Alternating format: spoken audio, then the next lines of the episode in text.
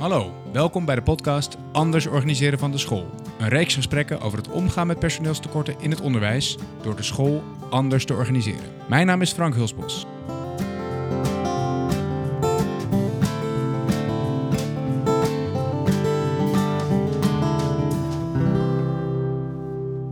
Door personeelstekorten moeten scholen met steeds minder mensen hetzelfde werk doen. In deze podcast onderzoeken we hoe scholen zichzelf anders kunnen organiseren, zodat docenten en schoolleiders met plezier en in samenwerking hun werk kunnen doen. Kunnen we zo op lange termijn meer mensen aantrekken voor de onderwijssector? En helpt het ons onze collega's te behouden voor onze scholen? Deze en andere vragen staan centraal in deze podcast. De gesprekken zijn onderdeel van een onderzoek naar anders organiseren. Ik doe dat onderzoek in samenwerking met een groep schoolleiders en docenten uit de regio Leiden, Duin en Bollenstreek. En ik ben de host van deze podcast. Tijdens ieder gesprek in deze podcastreeks bekijken we dit vraagstuk vanuit een ander perspectief, met telkens twee nieuwe gasten. Vandaag spreek ik met Tanja van Sabbe en Robin Vissers over samenwerking in teams in het onderwijs. Tanja is teamleider op het Visser het Hoofdlyceum in Rijnsburg en werkte eerder lange tijd op het Fioretti College in Lisse. Robin is HR-adviseur ad interim. De aflevering van vandaag bestaat uit drie delen. Ten eerste vertel ik over het proefschrift van Ben van der Hilst, die hele concrete handvatten heeft om samenwerking in scholen anders te organiseren, meer rondom de leerling. Dan spreek ik Tanja over haar ervaringen op het Fioretti College en het Visser het Hoofdlyceum, waar samenwerking steeds meer rondom leerlingen plaatsvindt. Tot slot spreek ik Robin over de vraag hoe HR kan helpen met het mogelijk maken van meer samenwerking rondom leerlingen. Veel luisterplezier.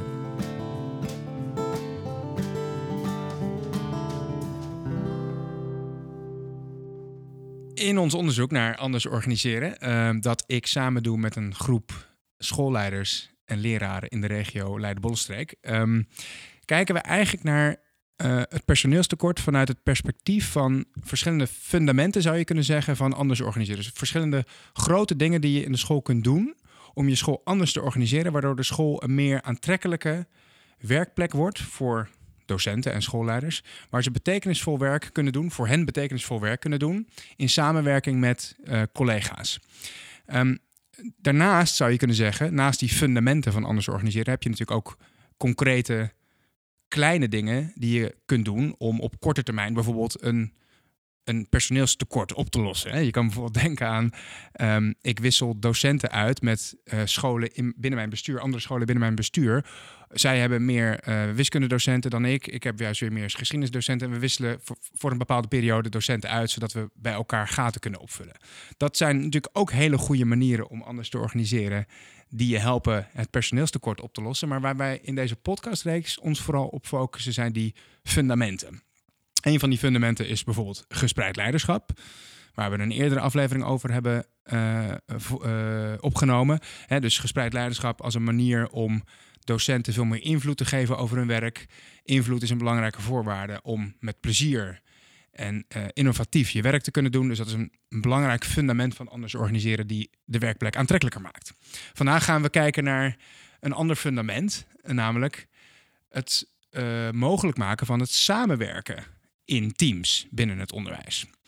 Nou, samenwerking uh, is uiterst relevant in het kader van het personeelstekort, zou je kunnen zeggen. We zijn sociale dieren. We hebben een sterke behoefte aan verbondenheid met uh, gelijkgestemden. Uh, en als we die verbondenheid ervaren, zo leert bijvoorbeeld de theorie van Daisy en Ryan ons, als we die verbondenheid ervaren, dan zijn we gemotiveerd voor ons werk, dan hebben we meer plezier in ons werk en dan kunnen we ook innovatief zijn en slimme oplossingen bedenken voor problemen waar we tegenaan lopen. Dus die samenwerking en het verankeren van samenwerking in de schoolorganisatie is een uiterst belangrijk fundament van anders organiseren. Uh, die op termijn ook mensen uh, ja, zal aantrekken en waardoor je mensen makkelijker aan je school kunt binden. Um, en iemand die heel veel heeft geschreven en heel veel onderzoek heeft gedaan naar uh, ja, eigenlijk het organiseren, zou je kunnen zeggen, van samenwerking, is Ben van der Hilst. Ben heeft in 2019 zijn proefschrift uh, gepresenteerd. Dus is in 2019 gepromoveerd op dat onderwerp. En uh, hij heeft een aantal hele interessante bevindingen waar we vandaag over in gesprek gaan. in zijn proefschrift neerge neergelegd. Om te beginnen zegt Ben, en hij heeft in alle sectoren van het onderwijs uh, onderzoek gedaan. Maar om te beginnen zegt Ben dat scholen over het algemeen slordig georganiseerd zijn. En dat zullen veel mensen die in het onderwijs werken wel herkennen. Dus we hebben uh, vaak verschillende teams waar je als docent onderdeel van bent. Je bent bijvoorbeeld, uh, ja, je, zit natuurlijk in je team van je sectie, maar je kan ook bijvoorbeeld in het MAVO-team nog zitten. En dan heb je vaak nog een paar werkgroepen waar je ook wel onderdeel van bent. Zeker als je een bevlogen docent bent, dan zul je ook nog in één of twee werkgroepen zitten. Hè? Dus, en dan hebben we vaak ook veel managementlagen. We hebben coördinatoren, we hebben teamleiders, we hebben een conrector, een rector. Nou, alles bij elkaar, concludeert Ben, zijn die scholen over het algemeen wel, wel slordig, eh, zoals hij dat dan noemt, georganiseerd. en samenwerking binnen die schoolorganisaties vindt vaak plaats rond thema's. Uh, en dat is een heel essentieel punt als het om samenwerking in het onderwijs gaat. Dus je hebt bijvoorbeeld werkgroepen motivatie van kinderen, of werkgroepen passend onderwijs, of werkgroepen nieuw concept, nieuw onderwijsconcept in de brugklas. Dat, dat zijn dus uh, teams die georganiseerd zijn rondom een thema, wat Ben opleidingsteams noemt. Maar veel minder zijn uh, teams georganiseerd rondom een specifieke groep leerlingen. En dat is nou precies wat Ben voorstelt in zijn proefschrift om meer te gaan doen. Dat we uh, teams heel specifiek organiseren rondom groepen leerlingen. Die teams noemt hij onderwijsteams. Dus, dus Ben maakt onderscheid tussen opleidingsteams, thema georganiseerd, en onderwijsteams, wat leerling uh, georiënteerd is. Die situatie uh, in scholen van een slordige organisatie en met name samenwerking rondom thema's is, al dus Ben, slecht voor het werkplezier uh, van docenten. dus daar heb je al echt een eerste link met het personeelstekort, waar wij het in dit onderzoek over hebben. Uh, deze organisatie is niet goed voor het werkplezier van docenten. En dat, ja, dat zorgt natuurlijk ook voor dat docenten uh, ja, minder graag bij je komen werken. Bovendien belemmert het een goede constructieve samenwerking tussen docenten. En daarom stelt Ben voor om die situatie te doorbreken en scholen meer te organiseren volgens wat hij noemt de teamgecentreerde arbeidsorganisatie. Oftewel afgekort, ik hou niet zo van afkortingen, maar toch, de TAO, uh, de teamgecentreerde arbeidsorganisatie. Um, en de kenmerken van die teamgecentreerde arbeidsorganisatie zijn die maakt hij eigenlijk heel concreet. Dus hij geeft echt een heel duidelijk ja, een heel duidelijke richtlijn voor scholen om hun school te organiseren, zodat ze meer samenwerking rondom leerlingen kunnen uh, mogelijk maken. Hij zegt onderwijsteams uh, in scholen zouden moeten bestaan uit vijf tot zeven leraren die gedurende een aantal jaar verantwoordelijk zijn voor een groep leerlingen van tussen de 50 en de 120. Dus eh, vijf tot zeven leraren verantwoordelijk uh, voor 50 tot 120 leerlingen. Het liefst gedurende een aantal jaar. Dus dat je bijvoorbeeld verantwoordelijk bent als team voor MAVO 1, 2. Ik noem maar even iets. Of in het primair onderwijs voor groepen 1, 2 en 3. En dat onderwijsteam van 5 tot 7 leraar, leraren is ook echt collectief verantwoordelijk voor alles wat er rondom uh, de ontwikkeling van die kinderen gebeurt. Dus ook de organisatie uh, van het onderwijs wat meestal bij de, nou, in de meeste scholen bij een teamleider ligt, daar is dat groepje van vijf tot zeven leraren verantwoordelijk voor. Dat team, dat onderwijsteam, heeft ook uitgebreide bevoegdheden. Ze hebben een groot mandaat. Ze, gaan eigenlijk, zoals Ben dat zegt, overal over. Um, zolang het in het licht staat van de ontwikkeling van hun groep kinderen. Aan het hoofd van dat team staat ook geen teamleider. Dus in die zin zou je kunnen zeggen dat Ben's model een ja, in zekere zin een operationalisatie is van gespreid leiderschap, waar we het dus eerder in deze podcastreeks over hebben gehad. Dus geen formele teamleider die aan het hoofd staat van dat team, maar wel een procesbegeleider. Dus een van die vijf tot zeven leerkrachten kan het proces begeleiden. Dat is iemand die ja, veel verstand heeft van hoe samenwerking constructief en goed verloopt. Nou, vijf tot zeven leraren, de, de, de, de, de oplettende luisteraar zal waarschijnlijk opmerken dat je met vijf tot zeven leraren niet uh, zomaar aan honderd leerlingen les kunt geven. Dus dat betekent ook dat dat team nog wel externe docenten aan zich kan verbinden die bepaalde vakken bijvoorbeeld verzorgen voor hun groep leerlingen. Maar dat team van vijf tot zeven leraren, die is uiteindelijk eindverantwoordelijk voor wat er met die kinderen uh, gebeurt. Um, en dat is een ja, uiterst interessant perspectief, omdat het een nou, toch wel heel sterk andere manier van het organiseren van uh, samenwerking is. En een andere inbedding is van teams in de schoolorganisatie. Uh, en Benzen uh, proefschrift laat zien dat dat bijdraagt aan betekenisgeving en werkplezier van docenten. Dus in die zin is het voor ons als onderzoeksteam dat kijkt naar personeelstekorten en het omgaan met personeelstekorten een uiterst relevant onderwerp. En daarom ga ik daar nu over in gesprek met Tanja van Sabbe en Robin Vissers over hun ervaringen met deze manier van werken in de praktijk.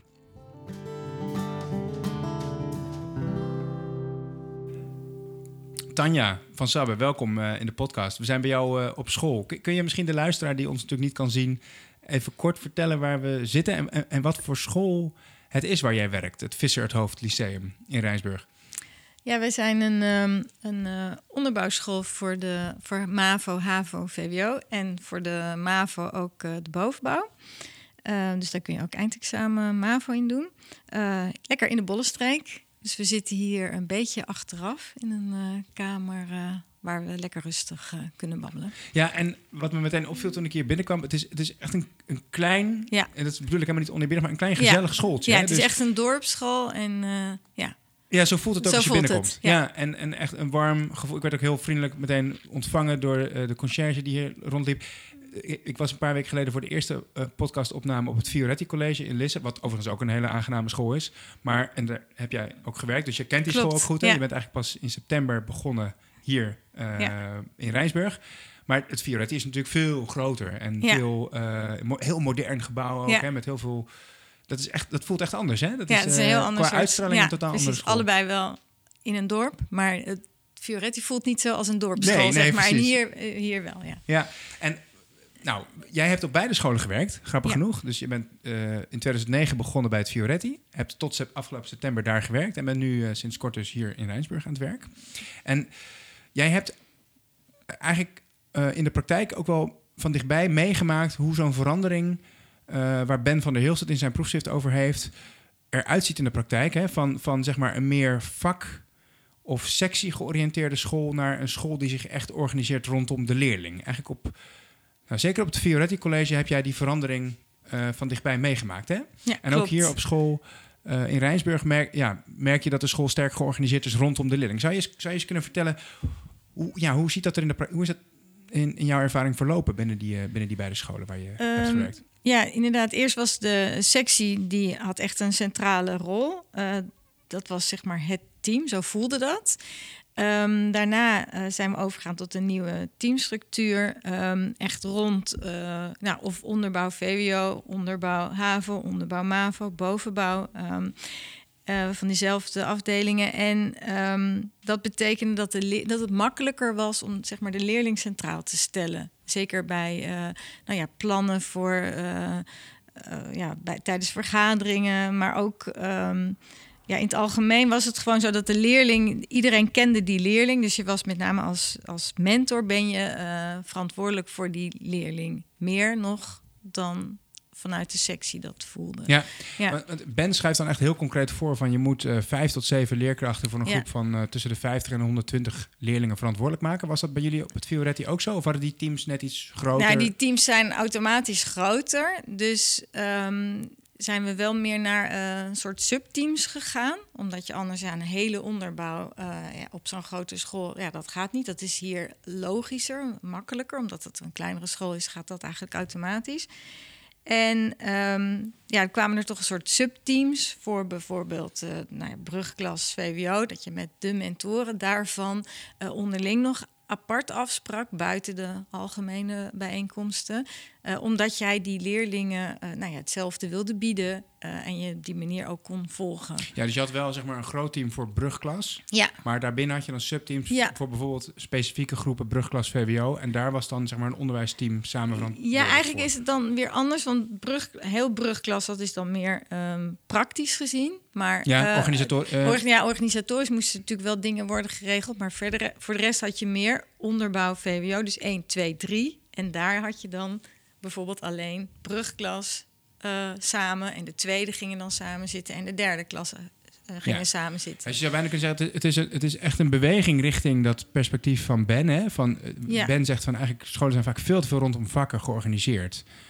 Ehm, eh, en, en te weinig rondom de leerling. Hij gaat eigenlijk nog net een stapje verder, bijna door te zeggen: van, je moet ook als team eigenlijk meerdere jaren de ontwikkeling van zo'n kind kunnen volgen. Maar, maar dat hebben jullie meer, zeg maar, belegd in dat bredere team. Zou ik maar Ja, zeggen. en ook, ook bijvoorbeeld een programma maken voor, eh, de, voor het mentoraat. Ja. Dat je dat echt met elkaar bespreekt. Wat gaan we het eerste jaar doen? Wat gaan we het tweede jaar doen? En wat gaan we het derde jaar doen? Ja.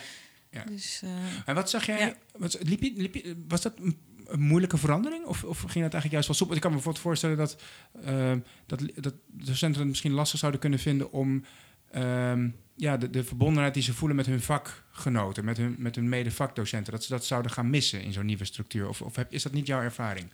Nou ja, dat, dat bestond ernaast. Dus je hebt eh, ook het, het vak uh, natuurlijk. Uh, maar dan krijg je dus inderdaad dat het wel slordig georganiseerd is, omdat je in verschillende groepjes en subgroepjes zit. Alleen de nadruk kwam dan wel meer te liggen op, dat was zeg maar je basisgevoel in dat team in dat uh, onderwijsteam dat dan heel uh, leerlinggericht is. En hoe, hoe, was dat voor mensen om onderdeel te worden van zo'n meer uh, zo'n onderwijsteam wat meer georganiseerd is op de leerling? Wat, um, het is in het begin denk ik wel wennen, maar uiteindelijk hebben docenten toch vooral hard voor hun leerling. En voelt het wel logischer om het op deze manier te doen. Ja, dus eigenlijk was het... Oké. Dus gaat dat wel soepel. En wat, hoe, hoe, is, hoe is dat hier bij jou? Want waar we nu zijn in Rijnsburg, het Visser Hoofdlyceum... is echt weer een hele andere school dan het Fioretti. Je vertelde in het voorgesprek dat, dat, dat, dat docenten hier op school eigenlijk al heel sterk die leerling voor ogen hebben. Ehm, we zijn in eerste instantie pedagoog en pas in tweede instantie vakidioot. Of misschien niet eens echt vakidioot. Ja, dat hoor ik inderdaad wel heel veel terug. Um, en, uh, dus, en dat, dat hangt ook misschien ook wel samen met de, met de MAVO-afdeling. Eh, waarbij dat dan ja, ook wel noodzakelijk is om uh, in eerste instantie pedagoog te zijn. dus hier is dat ook zo en misschien wat natuurlijker, wat logischer dat dat zo loopt. Um, dus we zijn hier ook echt uh, gericht op de leerling en met elkaar een team. Uh, en je hebt minder subteams nodig, omdat je al een kleinere ja, groep bent, bent natuurlijk. Maar uh, ik, ik, zou me ook ja. kunnen voorstellen dat misschien op, een, op, op bijvoorbeeld een, een MAVO of VMBO-school, waar dus inderdaad, zoals jij zegt, de pedagogische inborst of de, de, de, focus op pedagogiek en de leerling al veel sterker in ja, de beroepsidentiteit van de leerkracht zit. Dat zo'n verandering naar Benzen uh, leerling georganiseerde teamstructuur bijna meer een soort logisch uitvloeisel is van die beroepsidentiteit. Dan bijvoorbeeld op een gymnasium of ook misschien wel zoals op een Fioretti College, waar jij eerder hebt gewerkt, ja, waar dat vak en de, ja, de, de, de trots bijna op het vak, nou, dat zie je zeker op gymnasia bijvoorbeeld, hè, toch wel sterker is. Klopt. En ik weet ook dat Ben ook wel heeft gezegd van in het PO komt dit vaak ook makkelijker van de grond, mijn hele idee, dan in het VO, wat dat daar ook mee te maken heeft natuurlijk. Hè, waar, ja, dat herken ik wel, ja, precies. Hoe, hoe, ja, hoe zou je daarmee om uh, kunnen gaan? Is, uh, als, we, als we zijn, uh, toch zijn idee van we moeten ons veel meer rondom de leerling organiseren willen volgen. Dat is echt een cultuurshift, zou je bijna kunnen zeggen dan ook, hè? in het denken over... ja, maar ik denk dat het dan sowieso nog naast elkaar moet blijven bestaan. Want je kunt Zoals jullie bij ja, ook hebben gedaan. Ja. ja, want je kunt dat vak, die vaktrots waar je het over hebt, die kun je ook niet zomaar loslaten. Dus dat, dat zijn twee losse dingen, denk ik. Ja, precies. Dus je zou kunnen zeggen op een, in het PO of op een school als het Visserthoofd in Rijnsburg, waar jij nu werkt, daar is zo'n totale omslag misschien makkelijker dan op een wat grotere school waar die vakken van oorsprong ook heel, ja, dat denk ja, heel ik wel. onderdeel zijn van hoe leerkrachten naar, ja, naar hun werk, naar hun vak kijken. Ja, dat denk ik wel. Ja, en, en um, je merkt inderdaad dat de mentoren um, uh, als, als groepje, zeg maar als subgroep, ook zelf verantwoordelijkheid gaan nemen uh, voor de, uh, voor de nou ja, ontwikkeling van, de, van hun, nou ja, hun kinderen. Hun, ja.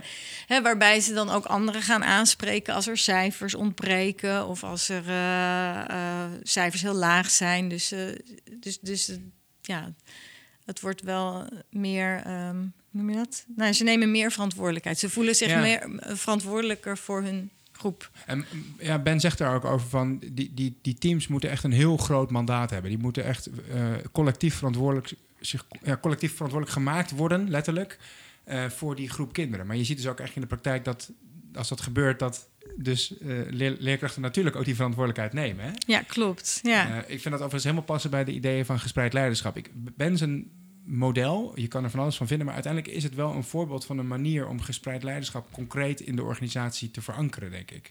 Precies om wat jij nu zegt, hè? dat als je die, eh, dat mandaat geeft of dat die macht overdraagt, dan zul je ook zien dat mensen die verantwoordelijkheid gaan nemen. ja. Ja, voordat het echt helemaal wordt overgedragen, dat, nou ja, zover Zover zijn, zijn we nog niet. Nee. Ehm, maar die verantwoordelijkheid, die wordt wel echt eh, gevoeld. Nou, het ja. stuk wat je overdraagt wordt ook Ja, opgepakt, ja zou je kunnen klopt. zeggen. Ja. Maar wat is dan nog eh, je rol in jouw ogen als eh, als formeel teamleider, jij bent teamleider hier op school, hoe, hoe verandert die als, als, als je meer richting zo'n uh, structuur gaat zoals Ben dat voorschrijft? Ja, want die wordt dan wel ja, meer controlerend. Uh, je moet nog wel in de gaten houden of het allemaal gaat zoals het zou moeten gaan. Uh, maar inderdaad meer controlerend. En minder dat je er minder sturend, zit. Ja. ja. Dus je, ja. je bent minder op details aan het sturen, zou ik maar zeggen. Of uh, hoe moet ik dat zien? Ja, zij, zij nemen wel hun eigen verantwoordelijkheid en, en zorgen dat het goed loopt. En, en van bovenaf kijk je inderdaad of het ja, of het ook wel daadwerkelijk gebeurt. Uh, om de grote lijnen uit te zetten. En, van, en vooraf denk ik ook. Om te, wel te bepalen wat er moet gebeuren. Dat moet je wel van tevoren bespreken. Ja, ja. ja. Nou, het is wel leuk. Ben is tijdens onze volgende onderzoeksbijeenkomst te gast, hè? Ja. Dus uh, misschien kunnen we hem nog wel uh, wat vragen stellen over hoe, hoe het dan in de praktijk vorm krijgt. Voor de, voor de luisteraar die het leuk vindt om aan te sluiten, op uh, 16 mei uh, om twee uur s middags hebben we een volgende onderzoeksbijeenkomst uh, in ons uh, groepje. En dan is Ben te gast. Heb jij nog een vraag voor Ben die we hem dan misschien kunnen voorleggen? Misschien wel leuk om ja, hem, Die dus, inderdaad. Hoe ziet hij dan precies de, de rol van de, van de leerjaar, ja, leerjaarcoördinator en de teamleider binnen die kleinere teams? ja. Hij, hij, is, hij is eigenlijk heel streng daarin. Hij zegt, die, die teams, die onderwijsteams, moeten eigenlijk geen teamleider meer hebben. Nee maar meer een procesbegeleider. Maar daarnaast kunnen er natuurlijk nog steeds teamleiders in de school wel zijn. Hè? Uh, maar volgens mij is zijn, schrijft zijn model voor, als we even strikt zijn model ja. dat er gewoon überhaupt geen teamleider op die teams zou moeten staan. Dus dat het team samen de basis is eigenlijk. Ja. En dat je wel een procesbegeleider eh, binnen zo'n team kunt aanwijzen die, die zich echt ontfermt over hoe, hoe werken wij goed met elkaar samen. En uh, uh, bijvoorbeeld hoe maken we voldoende gebruik van elkaars kwaliteiten. En als stel je voor dat we een conflict hebben, hoe komen we daar dan goed uit met elkaar? Maar ik neem aan dat er wel iemand is aan wie zij zeg maar rapporteren of vertellen hoe het gaat. En, ja, precies, en dat is volgens mij een beetje de ja. die jij net omschreef. Ja, voor jezelf ook bijvoorbeeld een school uh, als uh, Laterna Magica, dat is een, een school in het, in het primair onderwijs. Die, die, past dat model van Ben vrij radicaal toe, zou je kunnen zeggen. En die hebben wel dus inderdaad teams van gelijken. En, daar, maar, en dan, dan, dan heb je nog een paar mensen die een beetje het overzicht bewaren, die daar boven hangen. Die niet per se de baas proberen te spelen over die teams, maar die wel ja. overzicht behouden over ja, brede ontwikkelingen in de school, zou ik maar zeggen. Dus zo'n soort rol zou je je Ja, dat stel ik me zo voor. Dan maar is een leuke vraag misschien aan Ben, die we hem op 16 mei kunnen voorleggen. Van wat is nou uiteindelijk dan nog... Is er nog formeel leiderschap in jouw model? En zo ja, wat doen die dan? Wat doen die dan? Ja, dat uh, ja, wil ik wel graag van hem horen, ja. Okay. Nou, dankjewel. Alsjeblieft.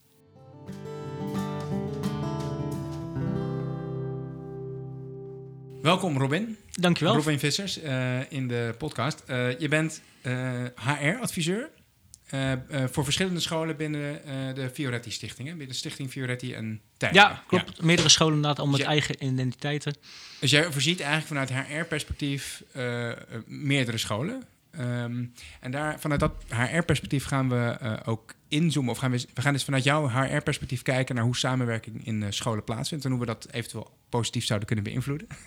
en wat, um, ja, dat, dat, verhaal van Ben van der Hilst. Hè, dat, uh, nou, als ik het even heel kort zou moeten samenvatten, dat scholen wel slordig georganiseerd zijn. En dat samenwerking zich met name afspeelt rondom thema's en veel minder rondom leerlingen. Is dat iets wat jij ook uh, observeert en herkent binnen de scholen die jij uh, overziet? Ja, ik ben natuurlijk geen onderwijskundige, maar ik herken het beeld wel dat er heel veel vormen van, van sturing uh, zijn. Je hebt natuurlijk gewoon de bestuur, directie, teamleiders, opleidingsteams, expertteams. Nou, dat is wat ik alleen van het HR al, al weet.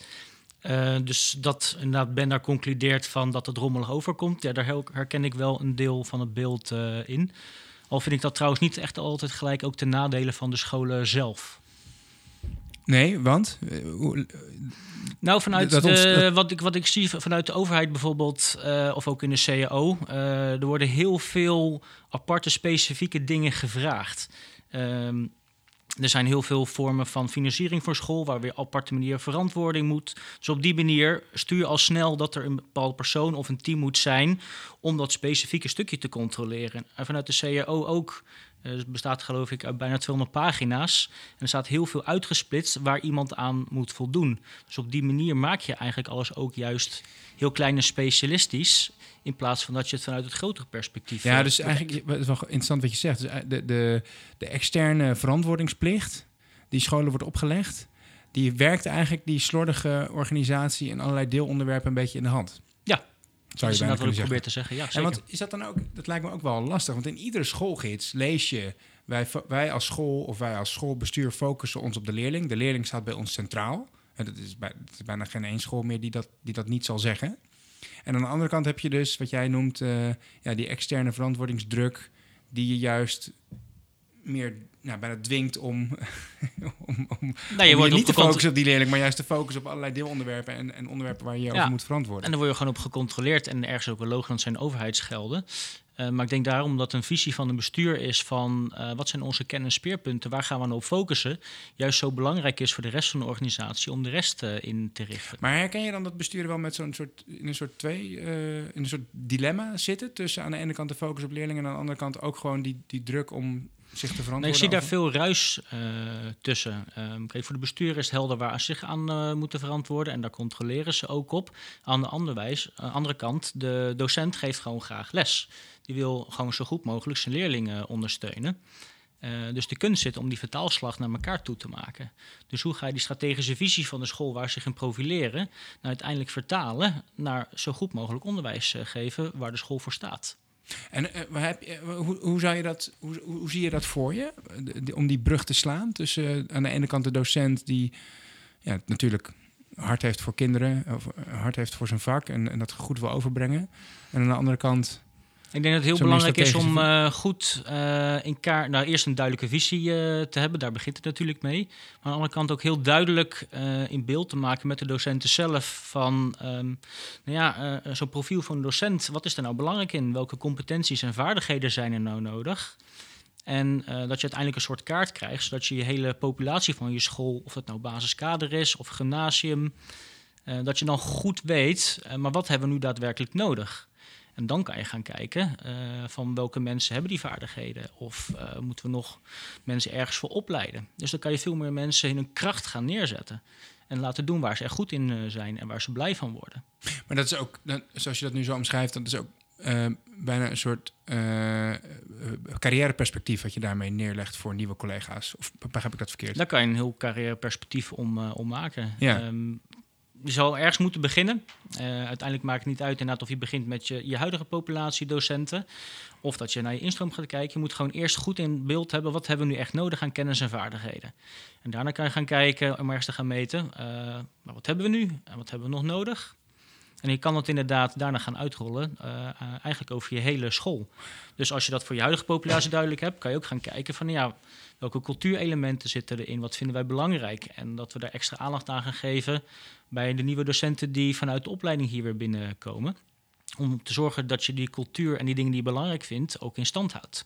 Maar want um, we begonnen het gesprek, of we begonnen deze aflevering met het, de observatie van Ben van der Hilst dat scholen slordig zijn georganiseerd en dat ze vaak te weinig samenwerking rondom leerlingen faciliteren. Ehm, hoe zou je vanuit wat jij nu omschrijft, die organisatie rondom leerlingen verder kunnen mogelijk maken? Wat zou je vanuit HR-perspectief daar precies in kunnen betekenen? Of wat is de verantwoordelijkheid van de HR-adviseur daarin? Of van de HR-afdeling? Uh, dat is wat je afspreekt met elkaar. Maar wat mij betreft zou daar de kijk op zijn dat HR ondersteunend moet zijn aan die uh, schoolteams. We kunnen uh, als HR zijnde, ik ben geen onderwijskundige, dus ik vind dat ik weinig kan zeggen over de leerlingen. Ja, oké. Maar we moeten wel zorgen dat wij als HR zorgen dat die onderwijzer nodig heeft, of de, de, dingen heeft die hij nodig heeft. Ja, want als zo'n team echt, echt een groot mandaat krijgt over de organisatie, ook rondom hun groep leerlingen dan hebben ze daar misschien helemaal niet de bekwaamheden voor, zou je kunnen zeggen, om alles waar ze, waar ze verantwoordelijk voor zijn ook daadwerkelijk te organiseren. Ja, nou, dus ze gaan dan misschien ook in één keer over, over budgetten. Ze gaan misschien ook over, um, nou, eh, hoe de samenwerking goed verloopt binnen hun team. Ja, maar als je het vanuit Ben bekijkt, dan zou eh, in dit geval ik vanuit HR een expert zijn eh, die ze erbij kunnen vragen. Ja, precies. Ja, ja. En dan kan ik hun helpen met het vraagstuk wat ze daadwerkelijk op dat moment hebben. Is het een korte termijn vervangingsvraagstuk? Is het een structureel eh, eh, kennisprobleem? Maar stel je voor dat zo'n team naar je toe komt en ze zegt: Robin, eh, ja, wij, wij, wij, wij, lopen tegen, lopen telkens tegen conflicten aan en dan, komen we niet goed uit. En we missen eigenlijk een teamleider die, ons, die als een soort scheidsrechter optreedt om, om ons conflict op te lossen. Wat zou je dan, wat zou je dan adviseren? Ehm, op hoofdlijnen dat het eigenlijk aan henzelf is om, eh, om Ja. op te lossen. Ja, Ehm, ik als HR eh hoef er niks van te vinden. Ja, of het moet echt grensoverschrijdend gedrag worden, maar dan krijg je ja een heel ander nee, gesprek. ik bedoelde meer inderdaad een, eh, je, je loopt vast in de samenwerking. Je hebt een meningsverschil of je komt er niet goed uit. Dan eh, moeten ze het echt eh, zelf eh, oplossen. En als je dat nou op meerdere punten ziet gebeuren, dan kan ik vanuit mijn HR-adviesrol wel op een gegeven moment echt aan de directie teruggeven van ik zie dat meerdere teams worstelen als er geen overeenstemming is en hoe ze daarmee om moeten gaan om toch verder te gaan. Ja.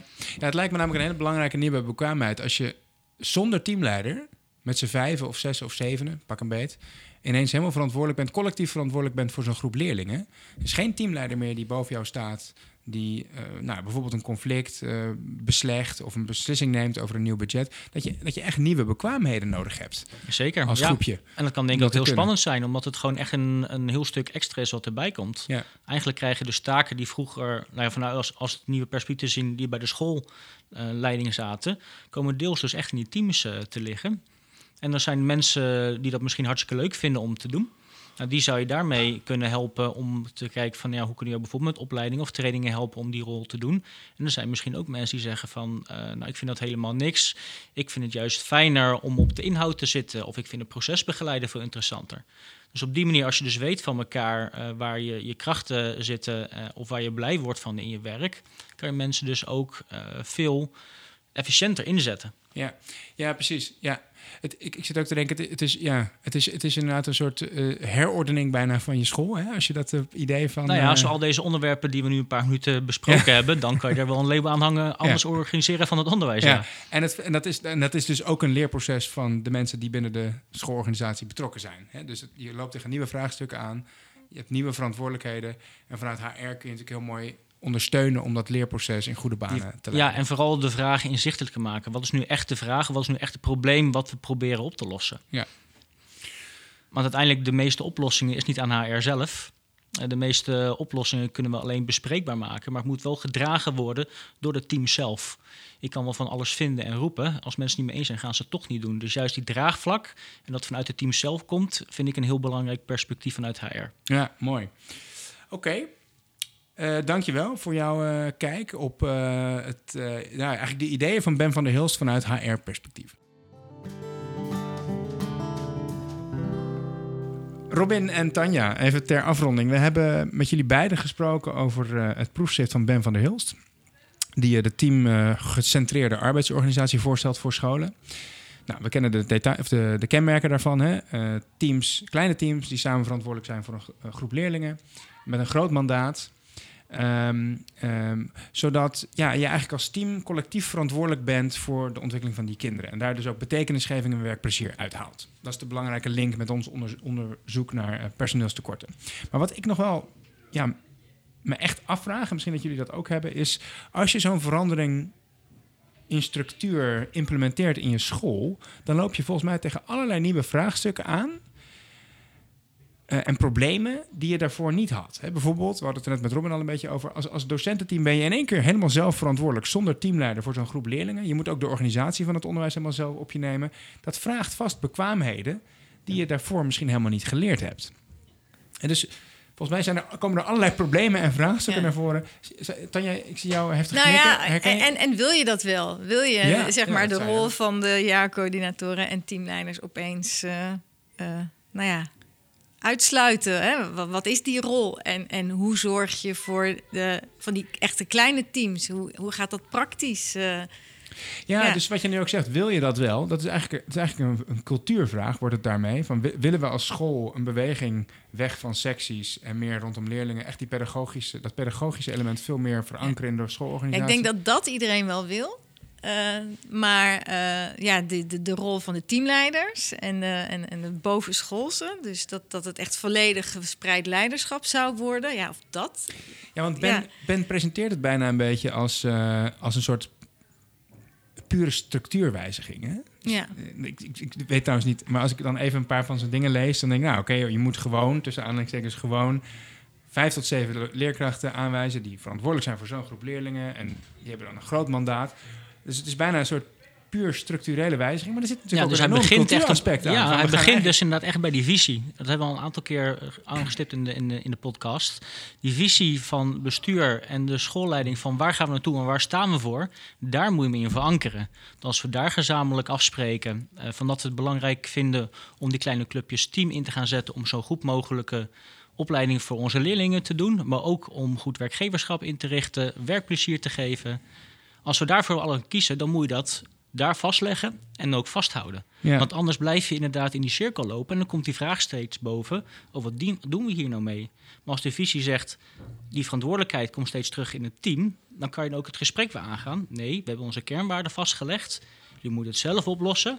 Heb je ondersteuning nodig, kunnen we helpen. Maar uiteindelijk zijn en jullie we doen in de dat zo, En we, je zou nog daaraan kunnen toevoegen, we doen dat zo. We hebben die visie van zelfverantwoordelijke teams. Omdat we het belangrijk vinden in het kader van werkplezier, innovatie en samenwerking. Ja. Maar vervolgens zelfs, dus ik denk dat dat punt één is. Ik, ik zou willen afronden met in ieder geval drie dingen waar ik nu aan denk, die, die volgens mij gewoon onmiskenbaar hierbij naar boven gaan komen als je dit gaat doen. Dus één, inderdaad, wat is je gezamenlijke visie op samenwerking? En op het organiseren van de school. En dat je daar echt helderheid over hebt. En dat je daar samen het gesprek over voert. Eigenlijk wat jij nu ook voorstelt, Robin. Maar ook als je dat scherp hebt, zul je onmiskenbaar een leerproces gaan doormaken. Dus inventariseer de vraagstukken die spelen. En richt een soort ja, rijk leerklimaat in waarbinnen je de bekwaamheden die je nodig hebt om met die vraagstukken om te gaan kunt leren. Dus bijvoorbeeld, hoe lossen we zelf conflicten op zonder teamleider? Hoe gaan we om met een meningsverschil? Hoe maken we die samenwerking constructief?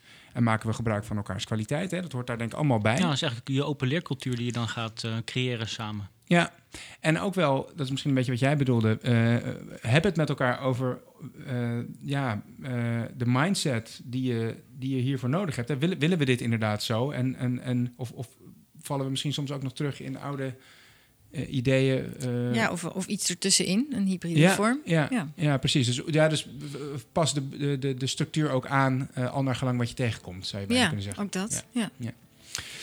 Nou, dank jullie wel. we gaan Ben in ieder geval binnenkort ook ontvangen in onze onderzoeksgroep op 16 mei. Ik heb het al een paar keer eerder gezegd. En nou, collega's uit de regio, uit onze scholen die het leuk vinden om daarbij aan te sluiten, zijn van harte welkom. Voor nu Robin, hartelijk dank. Tanja, hartelijk dank. En tot een volgende aflevering van de podcast Anders Organiseren. Dank voor het luisteren naar deze aflevering van de podcast Anders Organiseren van de School. Met vragen of opmerkingen kun je mij mailen op frank.gespreidleiderschap.nl. En geef ons zeker een rating of review in je favoriete podcast-app. In het begin van het schooljaar 22-23 organiseren we een congres over het anders organiseren van de school. Een uitnodiging hiervoor volgt snel. Deze podcastreeks is onderdeel van een onderzoek naar omgaan met personeelstekorten door de school anders te organiseren. Ik doe dat onderzoek met een groep scholen in de regio Leiden, Duin en Bollenstreek. Het onderzoek en de podcast zijn mede mogelijk gemaakt door de subsidieregeling Regionale aanpak leraren personeelstekort. Voor meer informatie over de RAP, kijk op aanpaklerarentekort.nl.